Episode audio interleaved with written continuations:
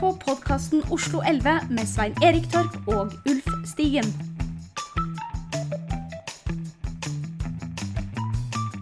Vi er i gang med sending nummer 17 i podkasten Oslo 11. Og med meg i studio har jeg dessverre, dessverre heller ikke denne gang Svein Erik Langtvedt Torp. Det har jo kommet flere bekymringsmeldinger på hvor den mannen har tatt veien. Hvor er Svein Erik? Hvorfor er han ikke med i podkasten lenger? Podkasten Oslo 11 er ingenting uten Svein Erik Langtvedt Torp osv. Det renner inn med slike meldinger.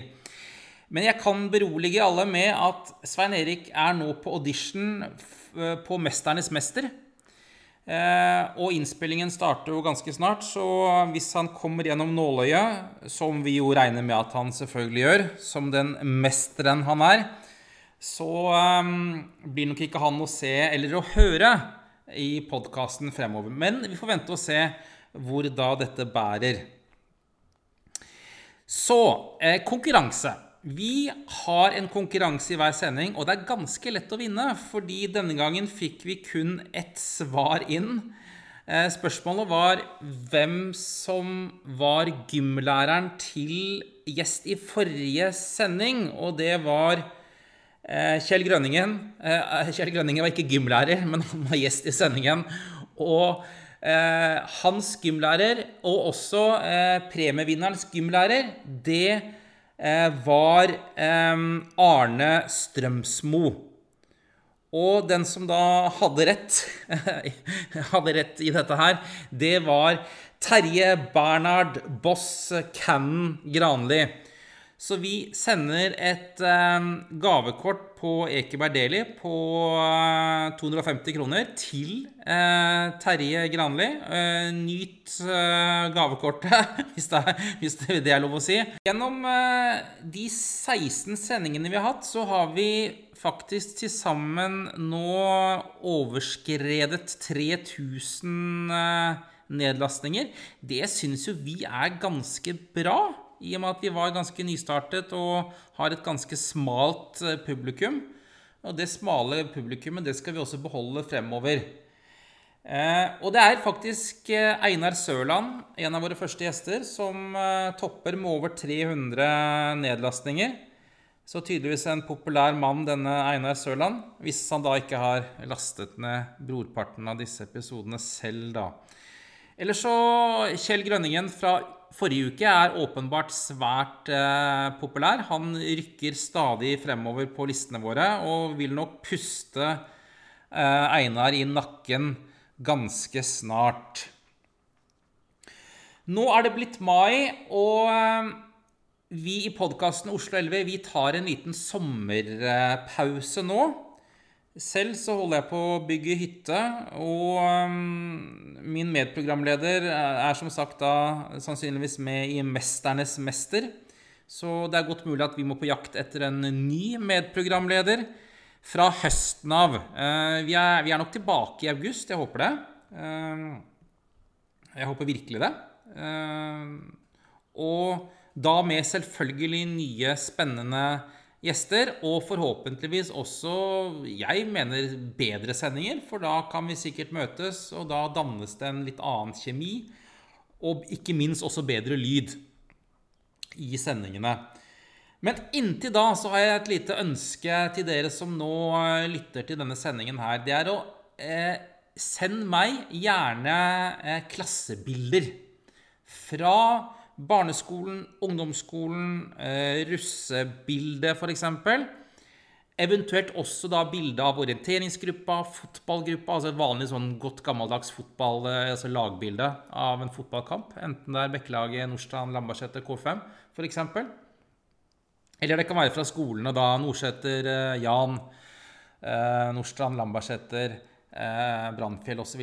De klassebildene er veldig fine å ha, eh, og de skal vi bruke litt senere i sendingen. Eh, så send meg de, gå inn på Facebook-siden og, send meg gjerne bilder. Og bare noter hvilket, hvilken klasse det er, og hvilket årstall det er, og gjerne også hvilken skole det er. Så skal vi ta litt tak i det også fra høsten av. Dagens gjest er Hans Ottar Blix, og det er vår første gjest eh, for, Vår første oversjøiske gjest.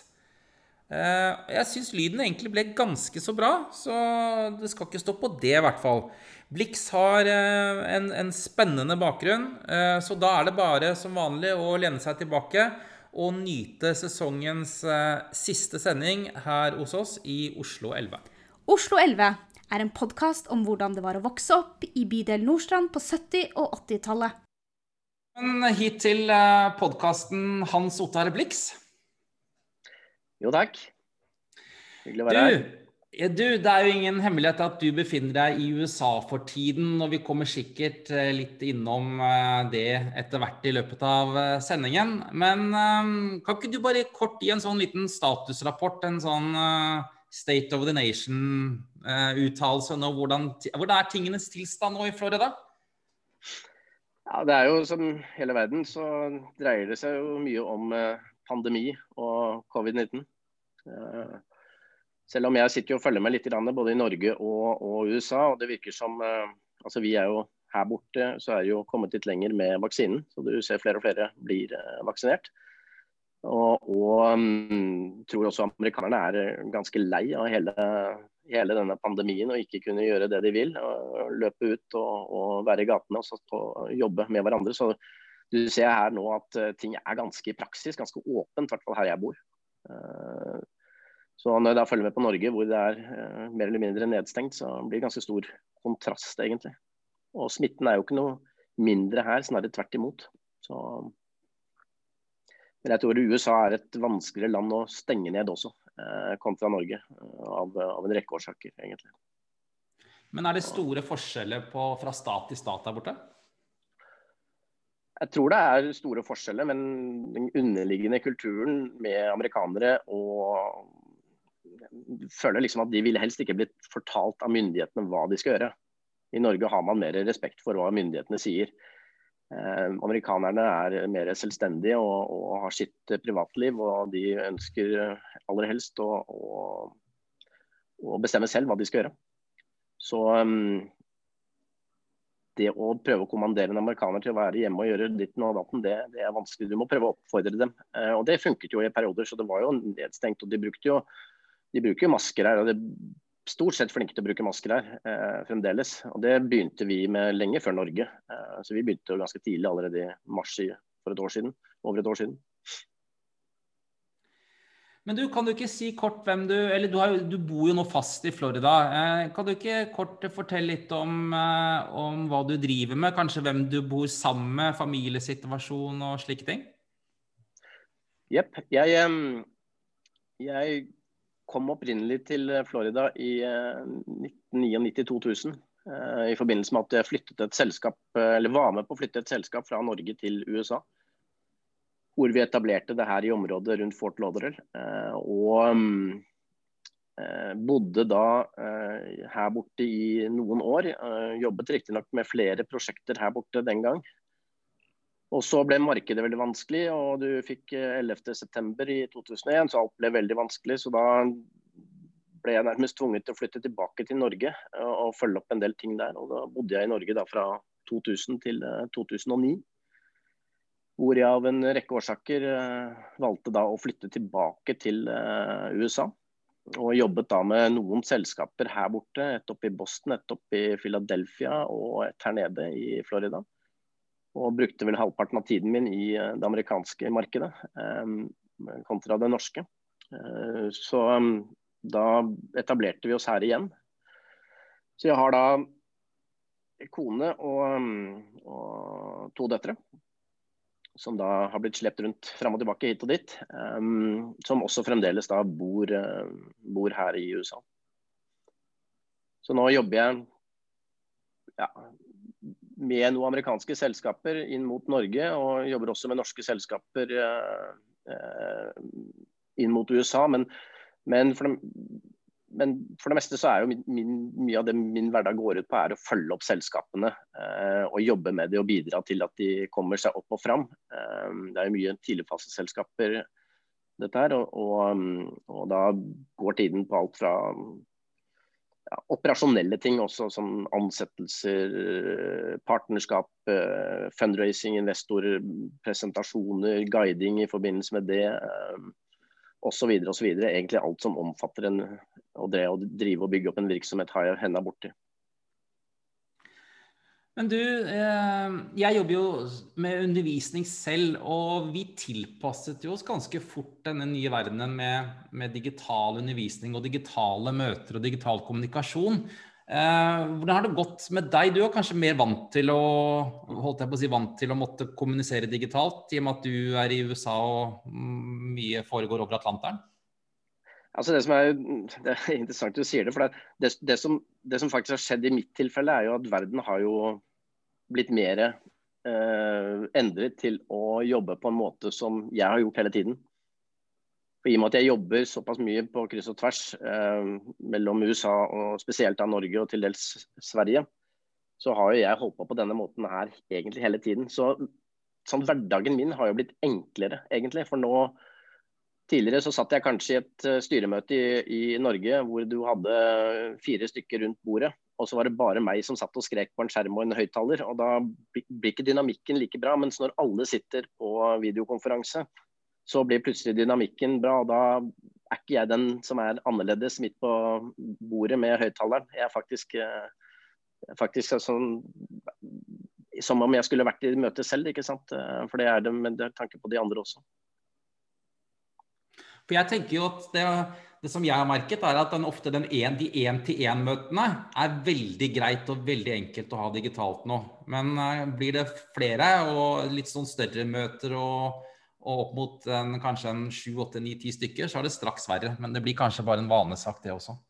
Nei, men Det er klart det blir det. Um, det, det, er vanskelig, men det er i hvert fall fint man har video. For det, man kan jo lese ansikt og se mimikk og, og, når folk prøver å komme til ordet, men ikke sier noe osv. Men det er jo klart, jo flere det blir, jo vanskeligere er det. Men nå har jo jeg også veldig mange av de jeg jobber med, er jo faste grupper. Vi har faste møter med mange selskaper, og det er personer som er vant til hverandre og kjenner hverandre. Så, så da sklir det selvfølgelig eh, en del lettere. Men du Hans Ottar, vi har en uh, spalte i podkasten vår som vi kaller for uh, Sju raske. Er du klar for sju raske? Ja, får prøve på det, da. Aldri mer poste et bilde med en relativt stor fisk på Facebook, eller fem dager utkledd som langbein i Disney World? Ja, da tror jeg må være fem dager utkledd som langbein i Disney World. Van Gogh, Picasso, Rembrandt eller Munch?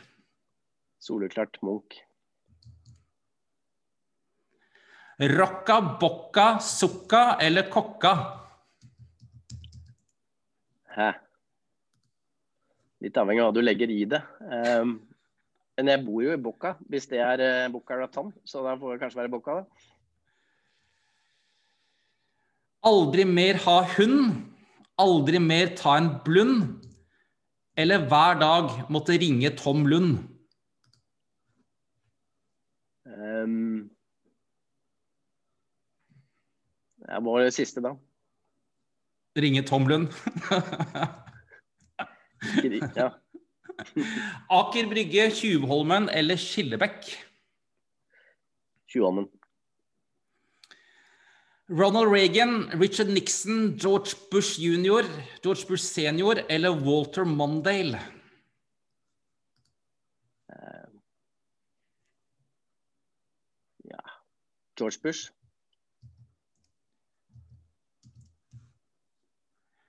Konstant gjøre andre til laks, alltid være en glad laks, eller fange verdens største laks?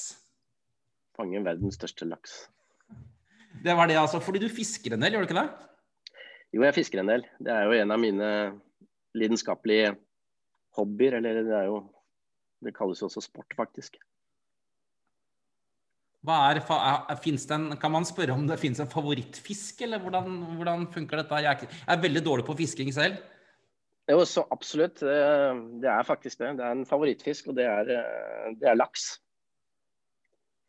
Jeg har fisket mye sorter. Jeg fisker også her borte i, litt grann på havet. Og, og jeg fisket Jeg har vært i Alaska og fisket en del andre fiskesorter. Og jeg har vært fisket i Russland. Det er for så vidt da laks der òg, for det meste.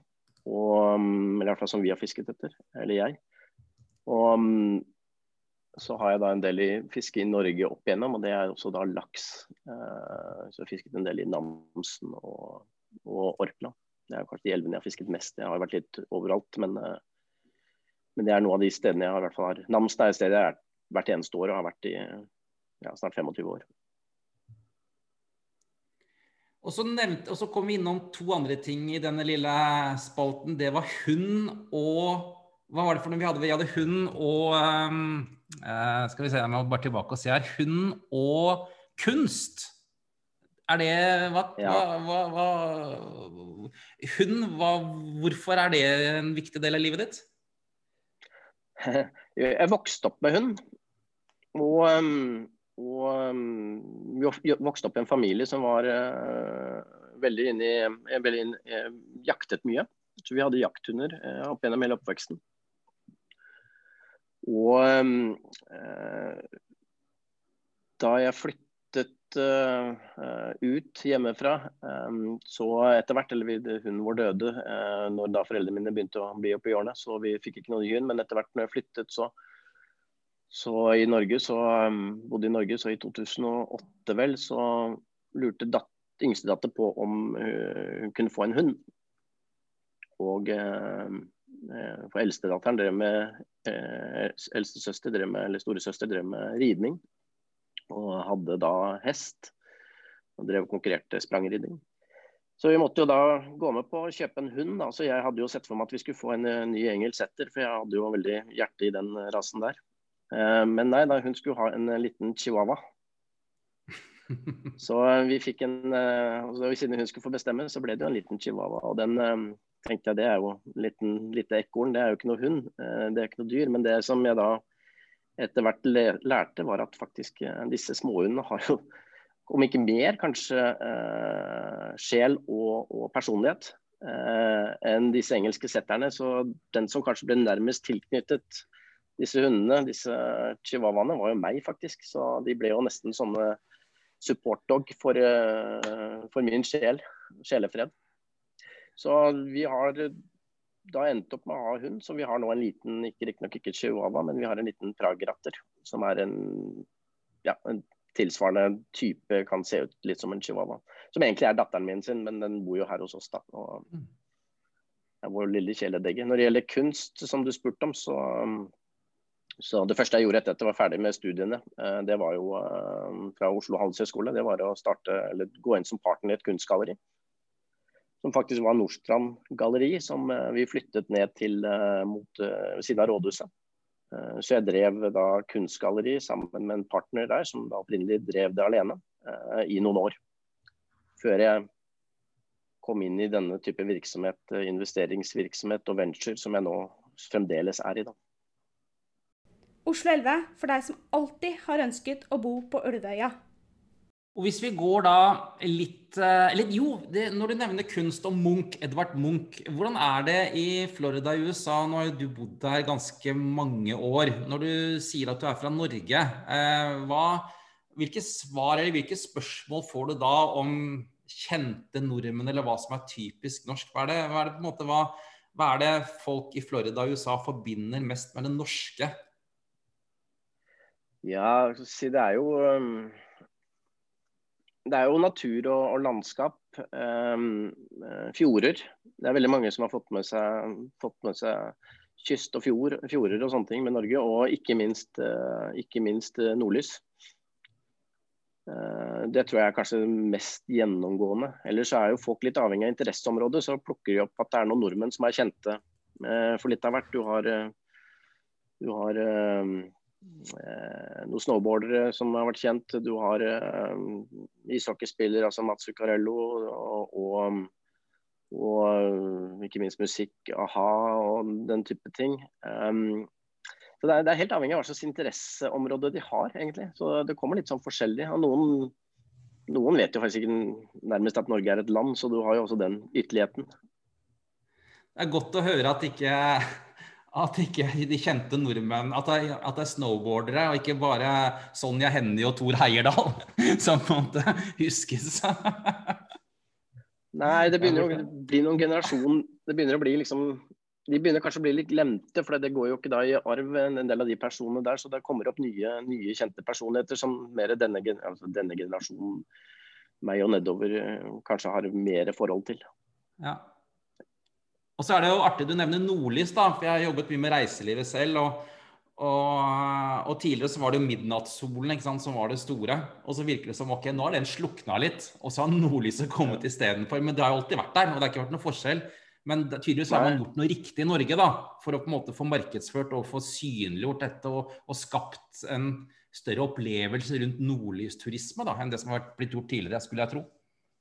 Jeg føler det samme selv. Altså, det, er, det, er, klart Når du sier det, så er det jo også folk har jo fått med seg dette med, med midnattssol og sånne ting. Men, men, eh, jeg tror eh, dette nordlyset har kommet sterkere og sterkere fram med årene. Og det er noe som da tydeligvis har blitt uh, markedsført og, og, blir sett på som veldig spektak spektakulært og fantastisk. Så det er liksom, Jeg har snakket med flere amerikanere som enten har vært borte og sett det, eller ønsker å liksom, Hvis det er noe de skal oppleve i Norge, så er det det, nettopp det. Men du Hans Ottar, hvis vi tar eh, veien tilbake over Atlanterhavet og beveger oss tilbake til ja, egentlig 70-tallet, kanskje tidlig på 70-tallet. Eh, så har vi hatt, vi hatt mange gjester i podkasten som er oppvokst på Bekkelagshøgda og, og, området rundt egentlig Ekebergsletta. Men nå med deg så skal vi vel kanskje litt nærmere mot det som egentlig heter opprinnelig Nordstrand, eller gamle Nordstrand, skal vi ikke det? Jo, jeg tror du går mer mot Nordstrand. Jeg er jo født og oppvokst på Nordstrand, selv om jeg har eh, en del elementer av bekkelaget i meg også, faktisk. Eh, kanskje i motsetning til mange av disse hardcore Nordstrand-beboerne, eh, eller de som har vært oppvokst på Nordstrand.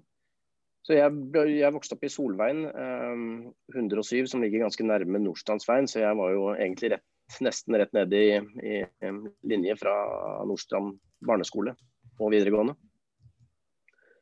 Så jeg gikk på Nordstrand videregående. Eh, og um, videre til da Nordseter. Når du, eh, men barneskolen, Hvilken barneskole gikk du på? Nordstrand barneskole. Det var Nordstrand barneskole, ja. Eh, mm. er, det du, er, det noen du, husker som du gikk sammen med på den tiden? Altså Noen klassekamerater eller klassevenninner? Ja, altså jeg husker jo veldig mange av dem, for vi var jo veldig lenge sammen. Vi gikk jo Nordstrand, skole, Nordstrand barneskole og så videre til Nordseter. Eh, men fra Nordstrand, fra barneskoletiden, så var det jo veldig mye som dreide seg om eh, de som gikk i klassen din. Og vi var en ganske stor gjeng, eh, spesielt av gutta. da. Jeg husker jo mange av jentene også. Men spesielt av mange av guttene så var vi, var vi, en stor gjeng, og en del av de har jeg kontakt med den dag i dag. Og det var jo altså ja, men Prøve å ikke glemme noen, men det var jo mange. Så, men når vi får liste noen, så er det bare Herman Brennås, eh, Morten Dahl, Nils Pettersen, Carl Terje Lippestad, Espen Torgersen, Kristian Aas Engelstad, Ivar Christensen. Det var vel noe av de jeg brukte mest tid med, i tillegg til en som gikk i parallellklassen min, som bodde like med meg, som heter Georg Monrad Krohn. Uh, så Det er vel de jeg husker best fra barneskolen. Uh, når du kom til ungdomsskolen Nordseter, så ble det en enda større gjeng, egentlig. Da ble bare alt utvidet. for Da, man, da ble vi mer i kontakt med alle, en del som gikk utenfor vår klasse. Og vi var en veldig stor gjeng um, som hadde uh, kontakt. Så uh, da var det vel altså, folk som ja, og igjen av gutta. da, mange, men det var Jan Ole Korsåsen, Morten Høydal, Rune Haukdal, Arnt Jacobsen, Robert Johansen og Knut Gressvik. Jan Øyvind Sebu Larsen, Øyvind Tidemann. Ja. ja. Det er en lang, lang liste, for den der gjengen der eh, på Nordseter var stor. Og så var det selvfølgelig en haug med jenter. en haug med jenter. Noen, eh, hadde du noen favorittfag på eh, barneskolen eller på ungdomsskolen?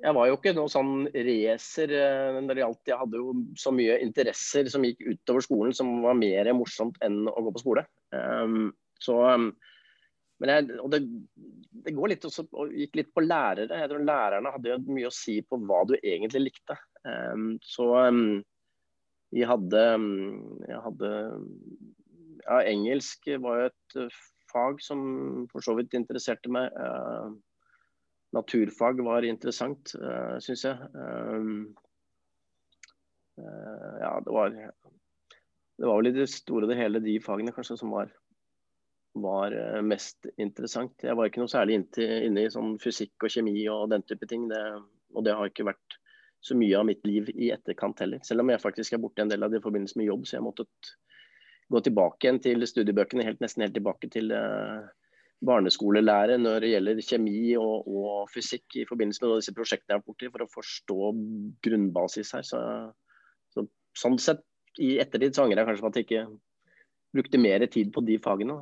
For det ser jeg kunne vært veldig anvendelig og hatt mer kunnskap i dag.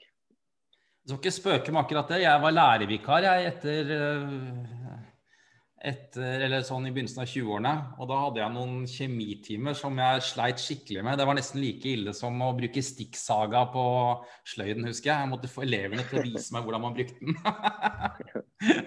Men ok. Men du, var det, noen, var det, noen, av lærerne som eh, du husker som bidro til måte å skape den interessen for noen av fagene du nå har nevnt? Så absolutt. Så absolutt. Um, kanskje det som er mest forkant av dette så tenkte jeg liksom hvilke lærere jeg husker. Det er faktisk ganske mange lærere jeg ikke husker. for de, antageligvis, de hadde ikke noe særlig betydning for meg. Men det, to lærere fra ungdomsskolen står veldig kommer veldig sterkt frem i, i mitt minne, som, jeg, som, gjorde mye inntrykk på. Hadde veldig respekt for. Jeg, det var um, Lise Ytterborg og, og Eikel. Uh, Willy Eikel. Lise Ytterborg var jo en uh, veldig dame. Nå vil jeg si jente, for hun var jo dame den gangen. Hun var, hun var I den alderen, hun var vel i 30-årene, så nå er hun en jente i, i mitt perspektiv. Men hun, hun uh, i tillegg til å være flott, så var hun en veldig flink, dyktig lærer. og jeg tror vi, vi, vi hadde en veldig Den klassen jeg gikk i var ganske stri. Eh, det var ikke så lett å håndtere, men hun klarte faktisk å håndtere den der guttegjengen som satt der og bare var opptatt av å gjøre rampestreker, holdt jeg på å si. Og Det samme gjaldt uh, på, en, på, en, måte, men på en annen måte. da, uh, var jo Eikel, som var, var også en veldig flink pedagogisk lærer. og vi hadde han i tysk og engelsk bl.a. Og han var bokser og ble litt uh, forbilde for mange av oss. Uh, og syntes han var litt tøff. Uh, så han klarte også å holde da ro i rekkene og, og, og, fikk folk til å fokusere på faktisk det de burde gjøre. Det var å, å lære ting og ikke drive med alt mulig rart annet på bakerste benk. Oslo 11 for deg som gikk med en liten pyroman i magen på 80-tallet. Når du ikke var på skolen og drev med disse rampestrekene, hva, hva drev du med på fritiden? Nei Det var ganske mye forskjellig opp igjennom. Um, jeg prøvde jo og ønsket jo å komme litt inn i idretten. Um, jeg holdt på å si Men, men, men, men um, det som for så vidt skjedde mye på Nordseter, i hvert fall spesielt, det var jo at vi uh, vi ble veldig, hele denne gjengen ble veldig interessert i festing. Så er det noen som sier eh, gi ungene alkohol før idretten tar dem. så, så, var det kanskje litt det. Et snev av det. For vi ble veldig opptatt av alt som foregikk sosialt. Vi var en stor gjeng, vi hadde mye moro. Eh, så mye dreide seg rundt det. Men, men det til side så var det liksom Jeg begynte jo å spille tennis.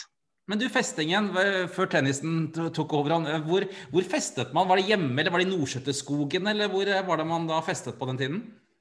Det var Nordsjøtter som veldig mye ting skjedde. Eh, etter hvert så ble det mer sånn, såkalte hjemme alene-fester, men, men, det skjedde mye altså Nordseter hadde jo sånn derre eh, velferdssosialt tiltak som var et diskotek. Men det ble jo uh, ikke helt som jeg tror de hadde planlagt at dette skulle være. For det ble jo en spire til at, uh, at folk gikk inn i skogen og drakk seg øl og kom inn igjen. Og, og, det var ganske vilt. Og jeg husker også, det kom jo folk fra Brannfjell på disse, disse Nordseter-diskotekene. Så det var liksom litt i Nordseterskogen ved siden av skolen, og så var det da å innimellom smugle litt inn på diskoteket. Men, eh, men, man drakk litt ut, og så var man inne. Og, og um, så mye dreide seg om det, dessverre. Det er kanskje det er ikke nødvendigvis noe å skryte av, for det var jo altfor tidlig å begynne med sånne ting. Men, men det var nå det som skjedde. Jeg må jo bare si at jeg var ikke en av dem fra Brannfjell som kom bort til dere på Nordseter. Bare så det er helt klart. det er rart.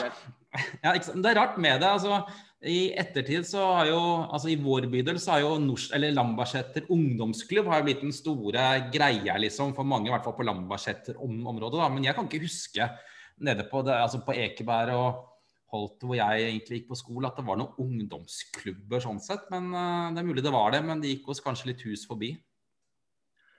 Vi hadde en ungdomsklubb på Nordstrand eh, som vi, vi også hadde var mye rundt ungdomsskoletiden. Uh, som, het, som, lå nede på Jan, nede på skredderstua. Så det het vel egentlig Skredderstua ungdomsklubb eller noe sånt, eller vi kalte det jo bare Stua. Så De hadde da åpent flere dager i uken. Eh, og Der var vi en gjeng, for vi hadde jo ikke så mange steder å gå. Så der var faktisk et eh, hjem hvor vi satt og, og hadde litt eh, ja, sosiale aktiviteter. Og satt bare rett og slett og pratet og møttes en hel gjeng. Og det var på en måte noen under oppsyn av noen som da ledet denne klubben. Og Det var egentlig ganske bra initiativ, for det gjorde at vi slapp å reke rundt på gatene liksom, og, og, og slike ting. Men jeg var også inne i noe i idrett, altså, det, men jeg, jeg, ble vel egentlig aldri Så det var en side Det var en geskjeft jeg drev med, og som jeg interesserte meg for. Ja, for du har jo, en tennis, du har jo et uh, tennisnavn som kanskje noen vil huske, nemlig Blix? Det stemmer, det. Så jeg begynte jo Blix-familien har jo lange tennistradisjoner og har hatt eh, gode tennisspillere. Og har jo også vært i ledelsen i, i Nordstrand tennisklubb. Så det var jo liksom meningen at jeg skulle bli tennisspiller. Så jeg begynte jo med padeltennis eh, veldig tidlig på Nordstrand tennisklubb. Og gikk videre til at jeg fikk lov å spille med større racketer, med strenger. Men av en eller annen grunn så mistet jeg interessen uh, og fant andre ting jeg ville drive med istedenfor. Det kan hende at jeg rett og slett ikke hadde det i meg til å bli en god tennisspiller. Så, så at jeg liksom mista litt motivasjonen. Så jeg flytta meg videre fra tennis til uh, håndball. Så da spilte jeg håndball i en del år på, på Nordstrand, på, på Niffen. Uh, men så igjen så ble jeg sporet av. Det tror jeg faktisk var litt uh, pga. kamerater som plutselig skulle begynne å, å spille bekkelag. Og da ville jeg gjøre det kameratene og kompisene gjorde. Så de da, en, da, endte jeg opp med å spille fotball i, uh, i Bekkelaget sportsklubb i en del år. Så, um, så utover det så ble det vel det ble vel, Jeg fikk gjort litt av hvert, så det var egentlig interessant. Men jeg var jo aldri jeg var jo alltid midt på treet. Jeg var jo aldri en av de, de beste gutta på noe jeg drev med akkurat den, den idrettstiden. Selv om jeg tror ikke jeg var det. jeg er ikke sånn uatletisk, men jeg bare hadde ikke fokus nok, tror jeg. Jeg spilte jo selv i KFM, og jeg husker jo altså Bekkelaget var jo erkemotstanderen uh, vår i alle år. Uh, og jeg må jo si med hånda på hjertet tror jeg, at vi slo jo Bekkelaget faktisk ni av ti ganger. I hvert fall i mine, i, min, i min ungdom. Så Bekkelaget nådde aldri helt opp der. Det var vel nettopp Jeg vet ikke om det var pga. deg, Hans Ottar, eller ikke, men, men du, skal ikke, du skal ikke se bort fra at det var pga. meg. ja, ja. Men du, bare sånn kort. Um, du skulle egentlig gå på Nordstrand videregående, men havna på Holte videregående istedenfor? Ja, det stemmer det. Det var, jo, det var jo egentlig litt uh, merkelig. Jeg var jo så på meg selv som en hardcore Nordstrand-gutt og hadde gått på Nordstrand barneskole og Nordseter videregående. Og, og, hadde jo en veldig stor gjeng, som sagt, som, som, var, uh, som gjorde mye moro sammen. Uh, og så kom det plutselig et brev i posten når vi var ferdig med Nordseter, at, eh, eller på slutten av Nordseter-tiden, så at jeg skulle på Holte videregående. Og det var, det var nesten eh, traumatisk eh, å få det brevet. For eh, det hadde jo ikke jeg sett, for, meg. Jeg bodde jo like ved Nordstrand eh, videregående, eh, fire minutter gangavstand. Og, og skulle på Holte videregående ut fra hele vennegjengen og måtte ta trikk eller, eller andre fremkomstmidler for å komme meg til, komme meg til skolen, så dette så jo helt horribelt ut. Så jeg, det første som slo meg, dette må vi jo bare få på, på en måte se om jeg kan få endret på. da. Men så oppdaget det var et par gode kompiser, bl.a. Herman Brennås og Arnt Jacobsen og Nils Pettersen og, og en del andre, Ivar Christensen, som, som også hadde noen fåtall av oss. Det var nesten bare under ti. Eh, og noen få jenter som da av en eller annen grunn hadde blitt satt på, Nordsten, på Holte videregående. Så etter hvert så fant jeg ut at OK, jeg får uh, slå meg til ro med det og gjøre det. og det i ettertid så er jeg faktisk ganske fornøyd med at det skjedde, for det gjorde at jeg uh, kom litt ut av miljøet, fikk litt andre perspektiver. Um, jeg var fremdeles privilegiet at jeg, jeg, hadde et ben inne i den, hele den Nordstrand-leiren, så vi var jo gode venner fremdeles. Og har jo venner fra den tiden fremdeles som jeg er veldig gode venner med. Men jeg fikk også mye nye gode venner på Holtet. Og det kom i en klasse hvor jeg mener å huske at vi hadde, vi var representert med I den klassen på Holt i videregående var vi representert med ti forskjellige eh, ungdomsskoler eller noe sånt, som ble putta sammen i en klasse. Så det, så det, var liksom ikke vi som skulle bryte oss inn i et uh, miljø med en, en, gjeng fra Bekkelaget som var veldig tight, men det var liksom alle var litt nye for hverandre. Så Jeg husker jo den tiden som på Holt i videregående, som var faktisk uh, en veldig fin tid. Og, og hadde en veldig fin klasse. Uh, som vi har hatt mye glede av. Og så har også noen av disse her har jo da fremdeles kontakt med der også, og ser i ettertid. Er det noen av lærerne på Holt du husker uh, fremdeles? Nei, var, altså, vi hadde vel en klasseforstander som het Botvar. Og så ellers så, så, husker jeg ikke så mange av lærerne der, egentlig. For jeg tror ikke de gjorde så store inntrykk på meg. Um, så Jeg husker noen fjes, men ikke så mye god på navn og sånne ting. Men jeg, det var liksom ikke det som gjorde mest inntrykk på meg i den perioden. Det, som sagt, det var mer disse lærerne jeg hadde på Nordseter som, som satte mer spor eh, i positiv forstand. Ja, fordi når du gikk på Holte, var Bek det var vel omtrent den tiden Bekkelagshallen ble bygget, eller? For det, hadde jo, Vi hadde jo gymsalen, ja. den gamle gymsalen lå vel ennå på Holte. Og så var det kanskje gym borti Ekeberghallen, hvis jeg husker riktig, eller? Stemmer det. Vi hadde jo gymtimer i Bekkelagshallen. Ja. Eh, mens jeg gikk der. Mm. Mm. Så um, Vi hadde jo en gymsal også på Holte videregående, men, uh, men um, jeg husker vi hadde gymtimer i, i Bekkelagshallen. Oslo 11. For deg som synes det nå har blitt vel mange kjendiser på Malmøya. Men du, Har du brutt alle bånd til bydelen bydel Nordstrand nå, eller har du noe forhold fremdeles til bydelen? Altså Hjertet mitt er jo der fremdeles. Jeg, jeg jo, var jo tredje generasjon Nordstrand. og liksom, Det var veldig viktig for meg. Jeg trodde jo jeg skulle bo på Nordstrand i hele mitt liv, men eh, tilfeldighetene og en del hendelser gjorde at det ble ikke helt slik. Men, men um, jeg har jo mange venner der oppe fremdeles. Og jeg, jeg, har en søster og en bror som bor på Nordstrand. Som jeg selvfølgelig har kontakt med. Så jeg føler at jeg, føler at jeg har ganske sterke bånd til, eh, til, området. Så absolutt. Har du et uh, favorittsted i bydelen? Eh, det spørs liksom I dag så har jeg vel egentlig ikke noe sånn spesielt favorittsted, men opp igjennom så har jo Seterkrysset liksom vært veldig sentralt i hele min oppvekst. Så, så, jeg må jo si at uh, Nå har jo skjedd mye der, og det er nesten så jeg ikke kjenner meg igjen for jeg kommer tilbake. For jeg har vært borte tolv år. Um, eller det vil si jeg er jo hjemme innimellom, og da tar jeg ofte en tur opp dit og titter litt. Men det er jo, litt sånn, det er jo veldig annerledes enn, enn, hva jeg er vant til og har i mitt hode.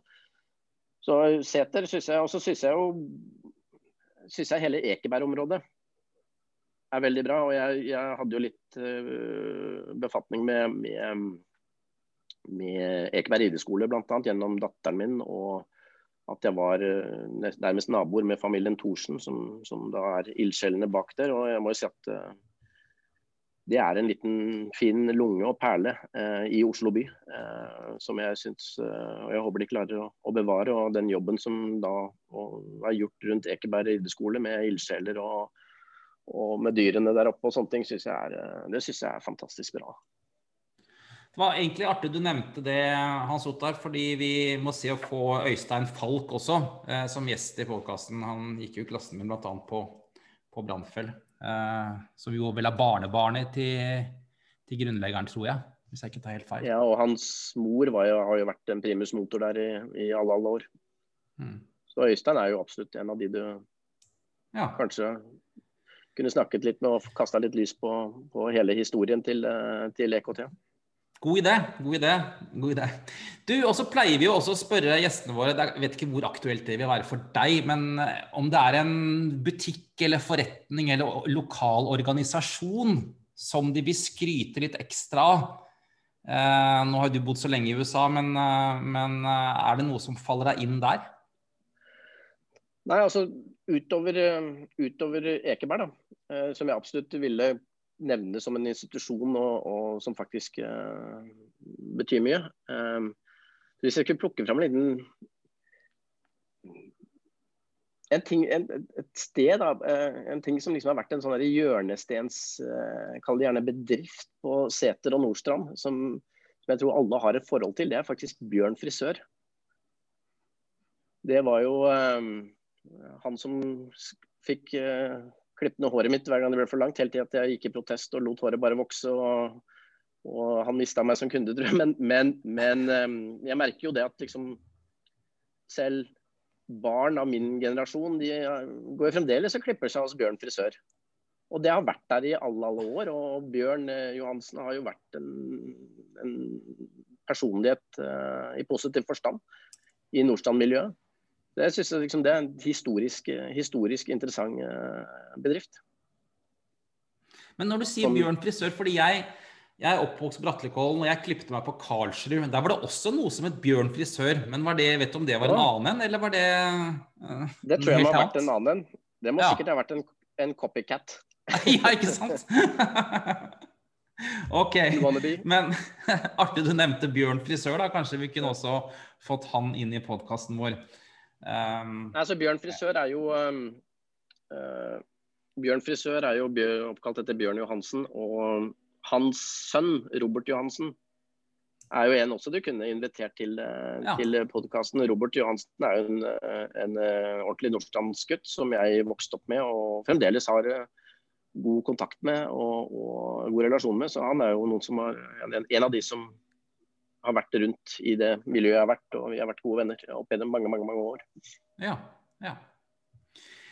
Du, eh, Hans Ottar, vi pleier også å spørre gjestene våre om det er noe som opptar dem spesielt i dagens samfunn. Enten eh, ja, politisk eller organisasjonsmessig eller mindre viktige ting. Er det noe du er spesielt opptatt av eh, ved siden av jobb og familie? Det er ikke noe som utover noen aktiviteter som å fiske laks f.eks. eh, men mer av politisk karakter. Jeg er ikke så veldig politisk engasjert. Jeg holder stort sett mye av mine synspunkter for meg selv. Eh, men jeg er veldig opptatt av eh, miljø, som så mange. Og, og jeg er liksom litt sånn ideologien, filosofien min, er, eller filosofien min når det gjelder det jeg jobber med og det jeg tar på meg av prosjekter, er at jeg, jeg syns det er gøy å jobbe med prosjekter som gjør uh, jordkloden til et bedre sted.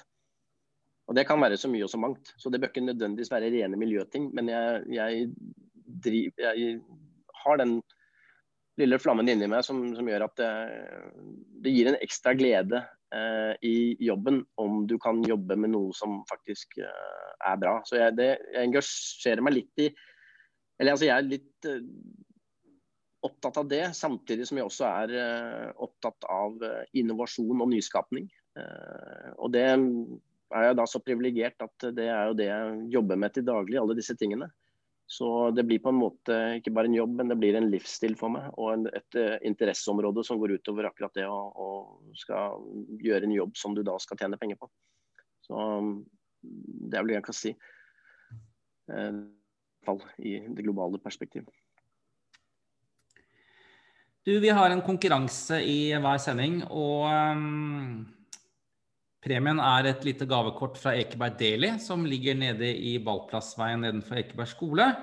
Eh, og dagens Spørsmål lyder da som følger. Eh, hva het eh, den kvinnelige læreren til Hans Ottar på ungdomsskolen på Nordseter? Jeg begynner på L, kan vi vel si. Stemmer det, Hans Ottar? Fornavnet begynner på L. Ja, Fornavnet begynner på L. Eh, send inn svaret på vår Facebook-side, så, det, så kan det vanke et lite gavekort da på Ekeberg Deli. Du, Vi begynner å nærme oss slutten, eh, Hans Otar. Eh, og det vi pleier å avslutte med, er ofte Du har jo for så vidt nevnt det litt allerede, men om det er noen andre du ønsker som gjest i podkasten? Eh, har, har, du noen du gjerne kunne tenke deg å høre mer om her i Oslo 11? Jeg tror Altså, Vi var innom to stykker eh, som kom opp litt sånn fra deg og tilfeldig fra meg. Eh, så Det var jo Øystein Falk og Robert Johansen. I tillegg så det var et navn jeg nevnte tidligere som, fra barndommen, som, eh, eh som også er fra Nordstrand-siden, eh, som heter Georg Monrad Krohn. Um, han har jo hatt en interessant utvikling og er i dag en uh, anerkjent uh, vil jeg si vellykket kunstner. Um, så siden dere har hatt litt Eh, du har jo hatt noen intervjuer med sport og også for så vidt litt kultur. Med, så kanskje en, kanskje en, kunstner kunne dra Nordstrand fra miljøet kunne, kunne vært noe. Det, jeg vet ikke, Dere har ikke hatt det, har dere? Nei, altså Geokron Nei, det har vært supert å få igjen noe på den siden. Uh, det, det, skal vi, det, skal vi, notere oss. Det, det, er blitt, de blir jo ofte sånn i disse podkastene man tar folk man har et forhold til selv, ofte. Uh, og nå er ikke det bare idrettsfolk, men, men uh, det har ikke vært noen særlig kunstnere til nå, da. Men, uh, men, takk for tipset. Men jeg ser dere i hvert fall har jo beveget dere godt over på Nordstrand-siden, ikke bare Bekkelaget-siden. Så det er, jo, det er, jo, bra å se at dere får en bred dekning her. Ja da, vi prøver, vi, vi prøver, å være så vi, vi, prøver jo og Der er vi sikkert ikke flinke nok, men å nå også litt sånn utover i hele bydelen. Også flere, gjerne flere kvinner òg, altså gjerne litt mer strekk i alder for den saks skyld også. Det skal jo være 70-80-tallet. Så eh, hvis det er noen der hjemme som hører på nå, som eh, i de tusen hjem, som kunne tenkt seg å være gjest, og som da kanskje er født på 70-tallet eller 80-tallet, eller er kvinne og bor på Jan eller eh, langt unna Bekkelagshøgda og Solveien, så, mm, så, ta kontakt.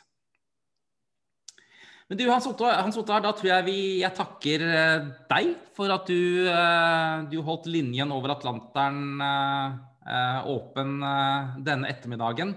Hva er planen nå fremover? Har du noen reiseplaner når pandemien slipper taket? Jeg har, ehm, ja, altså har, jeg har jo, I og med at ting har vært ganske åpent her, så har jeg jo reist ganske mye eh, i innenlands her. Um, så jeg har jo fått lov til å bevege meg litt, hvilket har vært deilig. For jeg er jo vant til å bevege meg ganske mye, så du blir litt sånn rastløs hvis du ikke får gjort det når du er vant til det. Men det neste jeg har planlagt, er vel uh, at jeg tenker, jeg har ambisjoner om å klare å komme meg til Norge og bli der igjen uh, noen måneder. Jeg jobber jo like godt, I og med at alt skjer virtuelt, så jobber jeg jo like godt derfra som herfra egentlig nå, sånn som det er nå. Så jeg tenkte å komme meg til Norge i mai og så være der i, i noen måneder.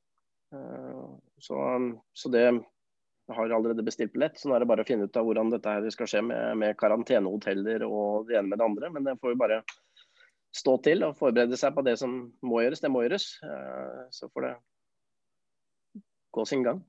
Da blir det kanskje noe laksefiske i Norge, eller? Ja, det er jo Jeg har liksom fisket hvert eneste år så har vi jo en fast gjeng som fisker. Eh, vi har jo gått over 20 år. Eh, en runde i 1.6 med én gjeng og en runde 1.7. Har jo nærmest jeg mista den ene turen i fjor pga. denne pandemien, men ellers har jeg ikke mistet et eneste år, selv om jeg har bodd her. Så jeg har alltid klart å komme meg til Norge pga. bl.a. fiske. Så det er jo en av grunnene som jeg skal hjem til. Eh, I tillegg til å besøke litt familie og venner, og at jeg for så vidt jeg er jo glad i Norge og savner jo Norge litt, så det blir hyggelig å være der litt også. Så det ser jeg frem til. Tusen takk for at du stilte opp, og ha en fin sommer, ikke minst en fin 17. mai. Jo, takk det samme. Takk så mye.